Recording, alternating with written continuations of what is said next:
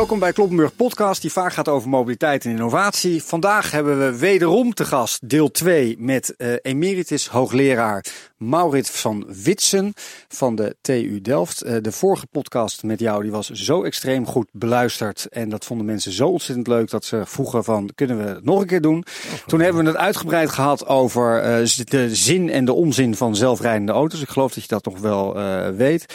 Ja, A, zullen luisteraars denken waar wilt hij het nu vandaag weer over hebben? Ja, nou ja, vanwege het feit natuurlijk dat die zelfrijdende auto het de verkeersprobleem niet oplost, uh, kom je vanzelf op het probleem van hoe dan wel. Ja. En uh, ja, een paar maanden geleden met verkiezingen en zo, toen uh, hebben de vervoerbedrijven de, eindelijk eens een keertje initiatief genomen en gezegd: ja, wij moeten veel meer kunnen bieden, en, maar er moet er wel geld komen en dan praten ze over een miljard per jaar. Nou, uh, ik heb me daar eigenlijk. Ik vind het natuurlijk heel leuk dat ze nou eindelijk eens wat willen. Maar uh, als er dan helemaal geen geld is, dan denken de mensen, ja, vraag maar raak. En een miljard per jaar, dat komt er van geen, geen kant natuurlijk. En als we dan eindelijk eens wat geld krijgen, dan zal dat nog weer een tijdje duren. En dat zal mondjesmaat gaan. En daarom heb ik toch eens een artikel geschreven. Gezegd, dan zit je je toch weer thuis op te winden en dan ga je weer een artikel schrijven. Nou, ik wind me niet op, maar ja, ik schrijf, schrijf wel een artikel natuurlijk. Ja. Uiteindelijk ben ik dat aan mezelf op. Als je nog leeft en je bent gezond, dan moet je ook wat doen, tenslotte. Maar uh, ik heb dus. Uh, en wat was de strekking van dat artikel? De strekking is. Uh, Ga, ga in de eerste plaats de nieuwe gebieden die uh, moeten worden ontsloten. Uh, ga daar eens eerst naar kijken, om, om, want daar moet je in investeren. En als je dus verder dus de systemen wil verbeteren, doe het dan ook op een betaalbare manier en op een snel realiseerbare manier. En vlucht niet meteen in, we moeten een metro hier en we moeten een metro daar, veel tunnels. Het kost een half miljard per kilometer ongeveer. Nou ja. En wat, wat wil je nou eigenlijk zeggen van als je uh, kijkt op de drie dimensies, internationaal, op de stadsgewestelijke uh, niveau, neem ons dan eens mee waarvan je vindt dat de aanvragen nu dus kennelijk megalomaan zijn. En waar zouden dingen dan volgens jou wel moeten gebeuren? Nou, als ik kijk waar wel op dit moment nog steeds geld in wordt gestoken, dan is dat het nationale intercity vervoer, de zogenaamde spoorboekloos rijden. En daar zijn miljarden in gestoken. En op zichzelf is dat geld heus niet weggegroeid. Maar nou is dat nou juist het beste product van het openbaar vervoer in Nederland. De, het intercity is helemaal niet slecht, hoogfrequent al. Een kwartierdienst is ook perfect. Maar waar het aan hapert is nu juist op de nog grotere afstanden, zeg maar om in plaats van de luchtvaart op afstanden in, in Europa dus te kunnen concurreren. Daar, nou, daar, zijn, uh, daar is op het uh, het Nederlandse net veel te langzaam voor. Behalve dan natuurlijk de beruchte verbinding uh, met Brussel. van, van Schiphol via Rotterdam en Breda. En waar natuurlijk op een schandelijke manier men heeft verzuimd om tijdig een goede exploitatie te kunnen regelen en goed materieel te kopen. Maar dat zij zo. Dat is één terrein. Ik denk dat daar juist het geld naartoe moet. en dat is ook ik denk dat er ook geld voor komt, want uh, men zal de rugvaart moeten intermen. En dan moet je toch, en dan ga je minder investeren in luchthavens en dergelijke. Maar uh, waar natuurlijk de verkeersproblemen zitten, en waar eh, juist ook met het verdichten van in de Randstad, waar er steeds meer mensen bij elkaar komen, grote activiteiten zijn, daar zul je natuurlijk uh, het geld moeten steken. Dus ja, maar dat is daar is... op afstanden 10 kilometer zoiets. Ja, en dat noem je meer stadswestelijk gebied. Stadswestelijk, ja. En dat is natuurlijk best heel duur omdat daar de verkeersdrukte enorm is. Dus, en dat kun je dus niet alleen maar oplossen. Zeggen, nou oké, we gaan tunnels bouwen. Precies, dan gaat iedereen, nou doe maar metro's, doe maar tunnels. Ja, en, eh, daarom, nou, dat, dat, afgezien, al zou het geld komen, dan ben je nog tientallen jaren kwijt voor het er is. Kijk maar naar die Noord-Zuidlijn. Dat maar omdat jij nog steeds zeg maar ook de hele dag in dat buitenland reist en je volgt alles. Heb je misschien voorbeelden van het buitenland waarvan je zegt, nou, misschien niet altijd dat Parijse voorbeeld. Want dat, daar worden mensen ook een beetje van, ja, Parijs is iets anders. Maar waarvan je toch zegt, nou, daar hebben ze met relatieve lage investeringen eigenlijk heel veel effect gehad. Ja, ja, daar gaat het inderdaad om. En eh, toevalligerwijs ben ik eh, vorig jaar in Boedapest geweest en dit jaar niet zo lang geleden in Praag. Steden die zijn uh, misschien twee keer zo groot als Amsterdam, maar niet uh, zoals Parijs tien keer zo groot is. Uh, en, daar en die landen hebben natuurlijk juist heel geleden over onderinvesteringen in de Sovjet-tijd. Die hebben grote achterstand, maar die zijn daardoor ook veel slimmer om, als ze nu eindelijk weer wat investeren, om dat dan ook op een effectieve manier te doen. Maar nemen ons, mee, nemen ze ons dan eens ja, mee in nee, Budapest nou ja, of Praag of waar, weet ik ja, veel waar? Nou, die hebben dus de lef gehad om ook inderdaad te zeggen, oké, okay, autoverkeer, uh, daar moet maar een stapje terug, want die die kunnen het niet aan. En dan moeten ze ruimte creëren voor het openbaar vervoer. En ik vond Budapest zeer indrukwekkend. Daar is dus een, een, een halve ringlijn rondom de stad. Een lijn eh, van hele enorme, enorme betekenis. Want uh, dat zijn van die stukjes waar iedereen even overstapt en een stukje maar wat voor type lijn is dan? Want mensen snappen dat helemaal. Is dat er onder de grond? Nee, is dat, dat boven is de grond? Die, is oh, een tram die gewoon op een straat rijdt. Uh, maar die gaat zeker 8 km per uur. Maar die heeft, nee, en die rijdt 16 km per uur. Zelfs in de spits. De hele dag door redden ze dat. En ze elke twee minuten met uh, dezelfde trams die Amsterdam heeft gekocht. Uh, ik had hier laatst Rob van der Bel in de uitzending. Ga je nu ook het bewuste woord light rail? Is dat ook nee. light rail of dat niet? Is dat gewoon nog ouderwets een snelle tram? Gewoon tram. Een light rail is alleen het bijzondere dat het ook dat het van alle vormen van infrastructuur gebruik kan maken. Dus uh, van tunnels, van viaducten, van spoorbanen, van tram. Maar even terug maar naar Budapest, want dat was in die ringlijn ja, en die functioneert. Nou, nou, nou ja, en die vervoeren dus een veelvoud, zou ik durven zeggen, van wat de Noord-Zuid in Amsterdam waarschijnlijk gaat vervoeren. En daar rijdt elke twee minuten een tram met een dubbele lengte van de Amsterdamse tram. Elke twee minuten? Elke twee minuten, ja. En dat is, nou ja, je staat daar en hij rijdt weg en dan komt de volgende. En dan zul je zeggen, midden, te midden van het verkeer. Dus ze hebben daar wel een, een, een, een bestrate baan waar de auto niet op kan. Maar wat heel belangrijk is, op de vele kruispunten, juist op zo'n ringweg, uh, daar heb je uh, absoluut verbod van linksafverkeer, waardoor die kruispunten altijd vrij blijven op het moment dat de, dat de, de, de tram en het verkeer passeren kan. En is dit echt uit de Sovjet-tijd of is het pas de laatste tien jaar of nee, weet je dat niet? Of het de laatste nou, vijf jaar? Wanneer is dit aangelegd? Nee, dit, dit, dit bestaat al heel lang. Oké. Okay. Maar het werkt. Het en werkt andere voorbeelden van andere steden? Nou, en Praag Zijn is er dus, niet Parijs? Hè? Parijs is verboden woord deze uitzending. Ja, nou ja, in zoverre dat ze in Parijs wel op de kleine ring hebben ze het aangedurfd om een vierstrooks autoweg. En je weet, de Fransen zijn zeer Op een eh, auto. Op auto hebben ze toch gedurfd om twee stroken aan die tram te geven. In Boedapest hadden, hadden ze dat al. Dus dat vind ik toch wel van Parijs eh, toch wel bijzonder. En ook het feit, dat doen de Fransen, ze gaan ook de hele di- directe omgeving gaan ze dus aanzienlijk verbeteren. En wat het aantrekkelijk ook is van dat bovengrondse, het gaat het langzamer, maar je zit zo op de halte. En juist voor een klein stukje vaak is dat, ju- is dat een enorm tijdwinst. In plaats van als je iedere keer die tunnel aan weer in moet.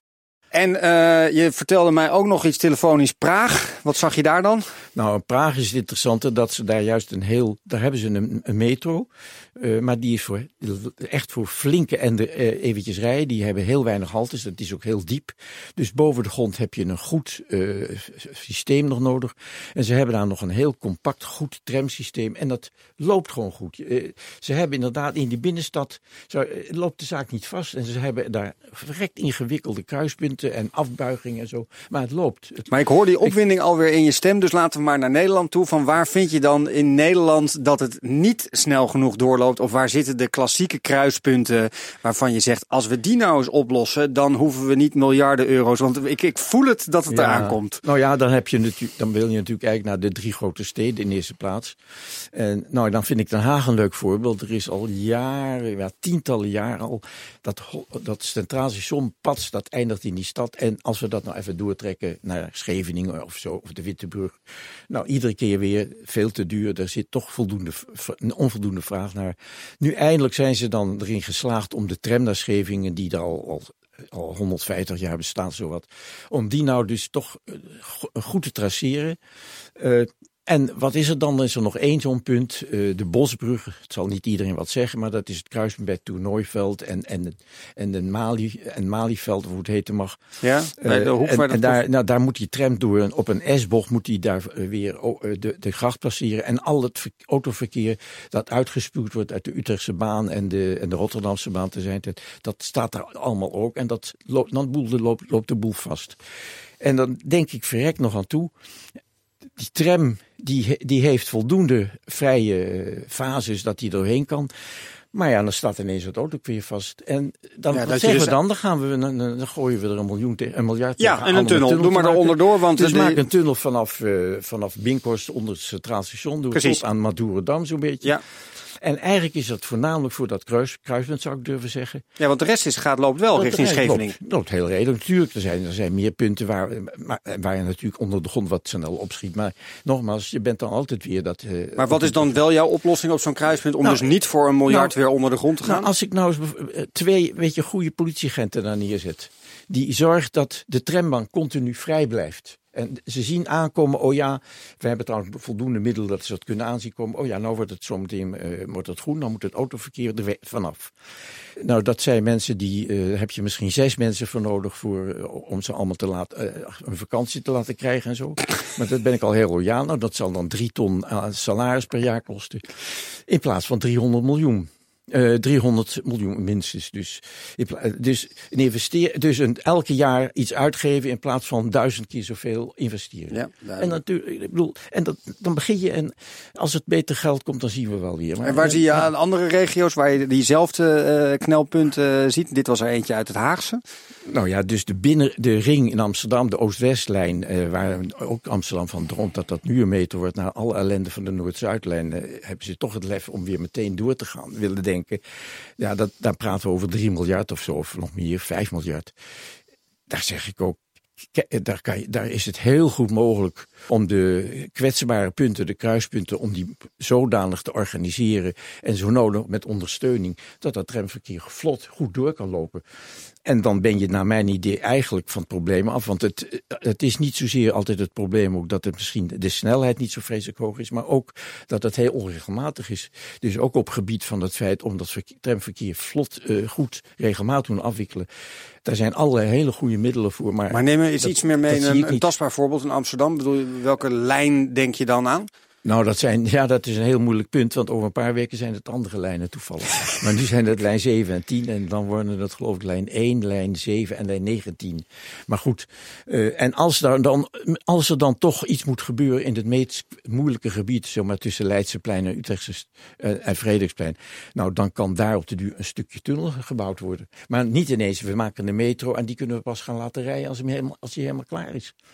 En, en de andere de roemruchte de, de, de, naar Eiburg uh, toe, dat is natuurlijk de klassieker lijn 6. Ja, nou, dat, dat is wel nou, een soort van sneltram die best redelijk gaat. Precies, dat is nou juist een sneltram en die is ook goed getraceerd.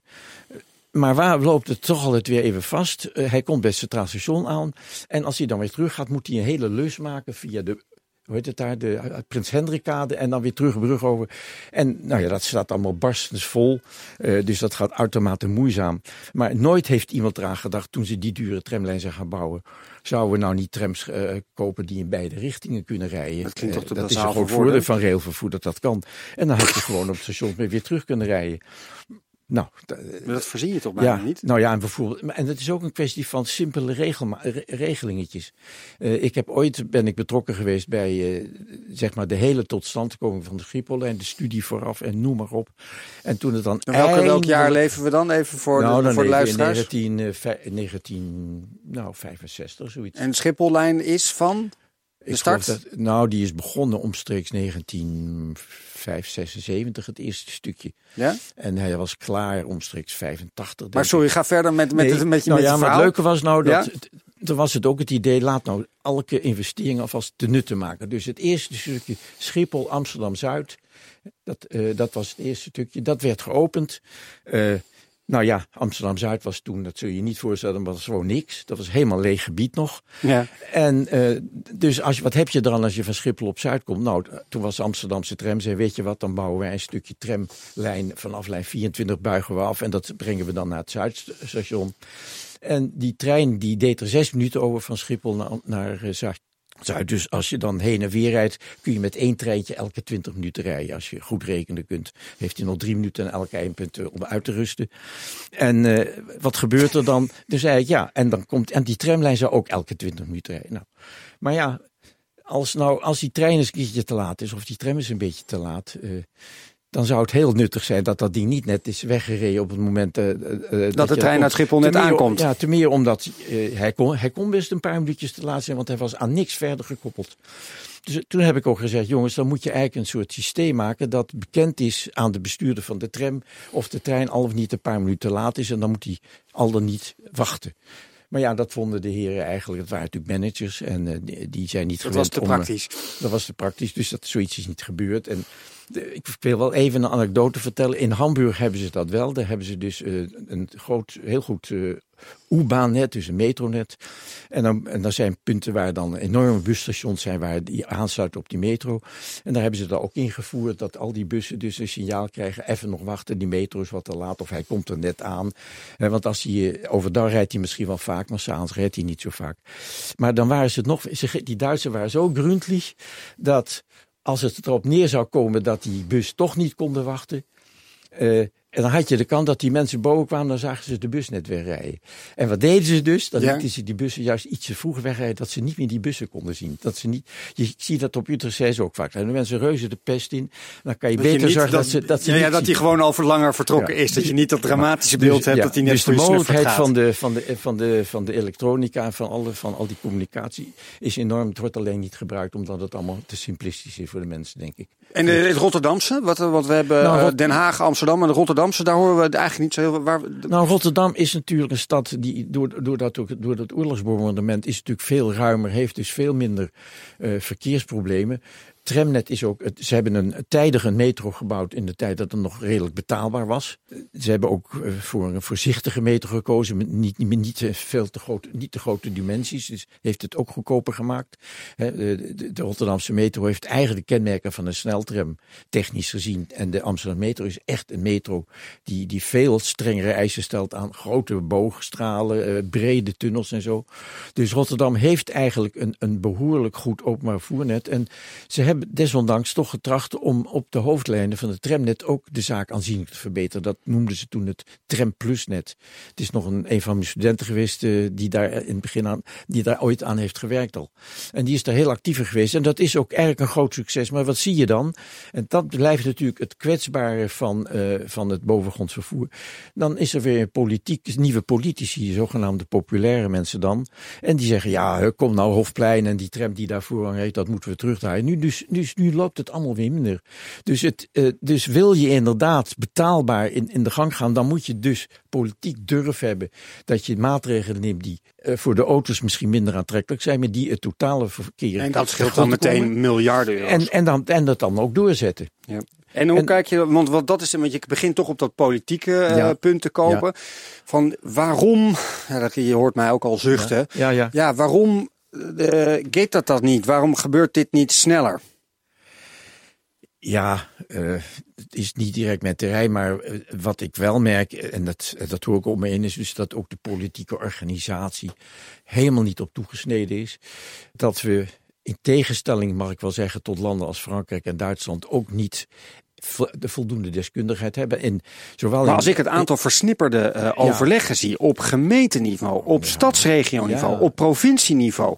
Maar dat is werkelijk, daar kan je je dagen mee vullen. Nee. Met en... mensen die met OV toekomstbeeld 2040, 2080. Twee, het is niet te geloven nee, wat er allemaal op hoeveel lagen er overlegd wordt. Nou ja, uh, als ik dan een beetje hooghartig mag zijn, maar ik heb dus in de periode uh, mijn hoogtepunt gehad toen in de jaren zestig, toen ook niemand geloofde meer in de toekomst van het spoor en van het openbaar vervoer. Al het geld ging naar de wegen en de spoorwegen waren nog net rendabel, maar ook al niet meer, dus die waren alleen maar aan het bezuinigen. En toen is er een actiegroep uh, bij NS gesticht en daar ben ik een van de aanstichters van geweest, echt niet de enige, maar en hebben gezegd, we gaan nou niet verder bezuinigen, we gaan nou eens even, er moet weer expansie komen. Er moet een Schiphollijn moet er komen en, en nog hè, Almere-lijn. De, de, nieuwe, de nieuwe steden moeten beter ontsloten worden enzovoort. Maar dan moeten we dus eerst laten zien met wat er nu is, wat, wat we nu al beschikbaar hebben, of we niet al een veel betere spoorwegsysteem kunnen maken. En toen waren eigenlijk de lange afstandsverbindingen in, in Nederland, dat waren uurdiensten, stoptrein ook heel veel uurdiensten. En we hebben toen in één slag eigenlijk consequent een intercitynet, het 40 de 40 steden tempotrein ingevoerd. Die dus echt alleen maar 40 steden verbond. Goed verknoopt, elk half uur. Maar de, de vraag is en niet de, zozeer inhoudelijk, nee, nee, dat is gelukt. Maar waarom sorry. is het gelukt? Dat nee, is denk ja, ik interessant. Nou ja, dat is, dat is mijn ingewikkelde aanloop inderdaad. Maar, maar het uit. komt erop neer dat dat, dat lukte. Omdat er uh, zowel de spoorwegen, de president was, die, die had absoluut vertrouwen in de club die toen, uh, waar ik in heb gezeten, die dat heeft ontwikkeld, die heeft, heeft dat gestimuleerd. En ook bij het ministerie is op een gegeven moment, uh, zijn er mensen opgestaan die zeiden, verrek, dat is het. Dat moeten we doen, dat is een goede zaak. Ja, maar dat lijkt nu helemaal en, niet en aanwezig. Echte, echte trekkers die, dat, die, die inzicht hadden. En ja, god, het is natuurlijk allemaal een, een lap populisme en, en de auto achterna lopen. En dat is natuurlijk macht, een enorme, machtige uh, groep. Maar, nee, maar, de, maar één seconde. Ja, nee, maar dat, dat, ik, dat bestrijd ik. Maar ik, ik vind het interessanter omdat dat de versnipperde politiek, dat je eigenlijk ziet ook op OV-vlak, dat dus die centrale vraag elke keer is om miljarden, miljarden, ja. miljarden. Daarom ja. heb je ook dat, dat artikel geschreven, uh, volgens mij, in dat OV-magazine, toch? Zeker. Maar ik vind ook die versnippering binnen dat OV-landschap op gemeente, provinciaal, rijk niveau. Ik zie nog niet zo'n plan uh, komen vanuit NS nee, en ministerie. Nee, nee. Nee, dat is zo. Er, er, zou inderdaad eigenlijk iemand moeten zijn die juist vanuit de. de, de Je gaat niet het verschrikkelijke woord regie nemen. Nee, van de vervoerssector. Iemand die echt een ideeënman is, die, die het overzicht heeft, die echt een beeld heeft van het geheel. Niet alleen maar uh, de lange afstandtreintjes of, of, een, of een lokaal trambusje uh, of zoiets. Maar iemand die echt een visie heeft op die hele uh, ontwikkeling in Nederland. En die, die inderdaad in staat is om een soort blauwdruk voor zichzelf te schrijven. En waarom heb je het gevoel dat het dan binnen zo'n NS of ProRail of ministerie je niet... Ja, misschien bereikt het je niet meer. Dat, dat ben je outdated, dat kan ook. Maar waarom heb je het gevoel, met wat je nog hoort en ziet, dat dat er wel of niet is? Ja, het is, het is natuurlijk een en al over. Er zijn, allemaal, er zijn allemaal hele nuttige groepen die zeggen dat moeten we, we gaan dat samen bedenken. Maar blijft toch op een gegeven moment het, de, de, de, de, één man die de grote trekker is. En die, hè, dat zie je in Frankrijk ook. Uh, een heel nieuw, belangrijk goed uh, vervoerssysteem, een nieuw tramsysteem in, in steden als Bordeaux en zo. Die zijn getrokken door een burgemeester. En die had die visie, die had het lef. En die wist dan ook steeds te zeggen. En die had, die had ook de kennis van zaken. Ja, dat is uh, en als idee... hij het niet had, dan wist hij, dan wist hij wie die moest hebben. Dus dan moeten we moesten we nu gaan we, zet je dan alles in op onze nieuwe burgemeester hier in Amsterdam, mevrouw Halsma. Denk je dat het daarvan gaat komen? Nee, die, ik denk ook niet dat die, dat die helemaal geïnteresseerd, daarin geïnteresseerd is. Je moet dus echt iemand hebben, ja, en bij wijze van spreken een soort hobbyist zoals ik zelf ben, die verdomd weet waar hij het over heeft en met geweldig enthousiasme zegt, we moeten het op die manier gaan oplossen.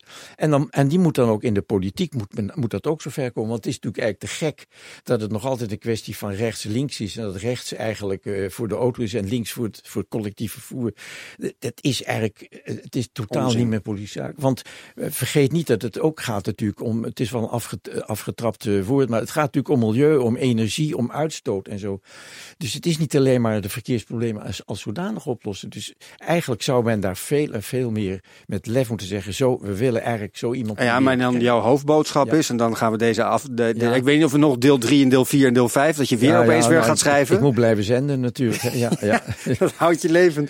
maar de, uh, wat ik bedoel te zeggen, jouw hoofdboodschap om mij weer te bellen en toch dat artikel te sturen dat je zegt, we kunnen zoveel meer met de bestaande middelen. En als we dat slimmer politiek regelen, dan kan er al op de korte termijn veel meer. Dat was het toch? Dat sowieso. Dankjewel ja. voor ja. je komst. Ja. Uh, luisteraars, dank. Uh, Maurits uh, van Witsen, veel dank. dank voor het luisteren.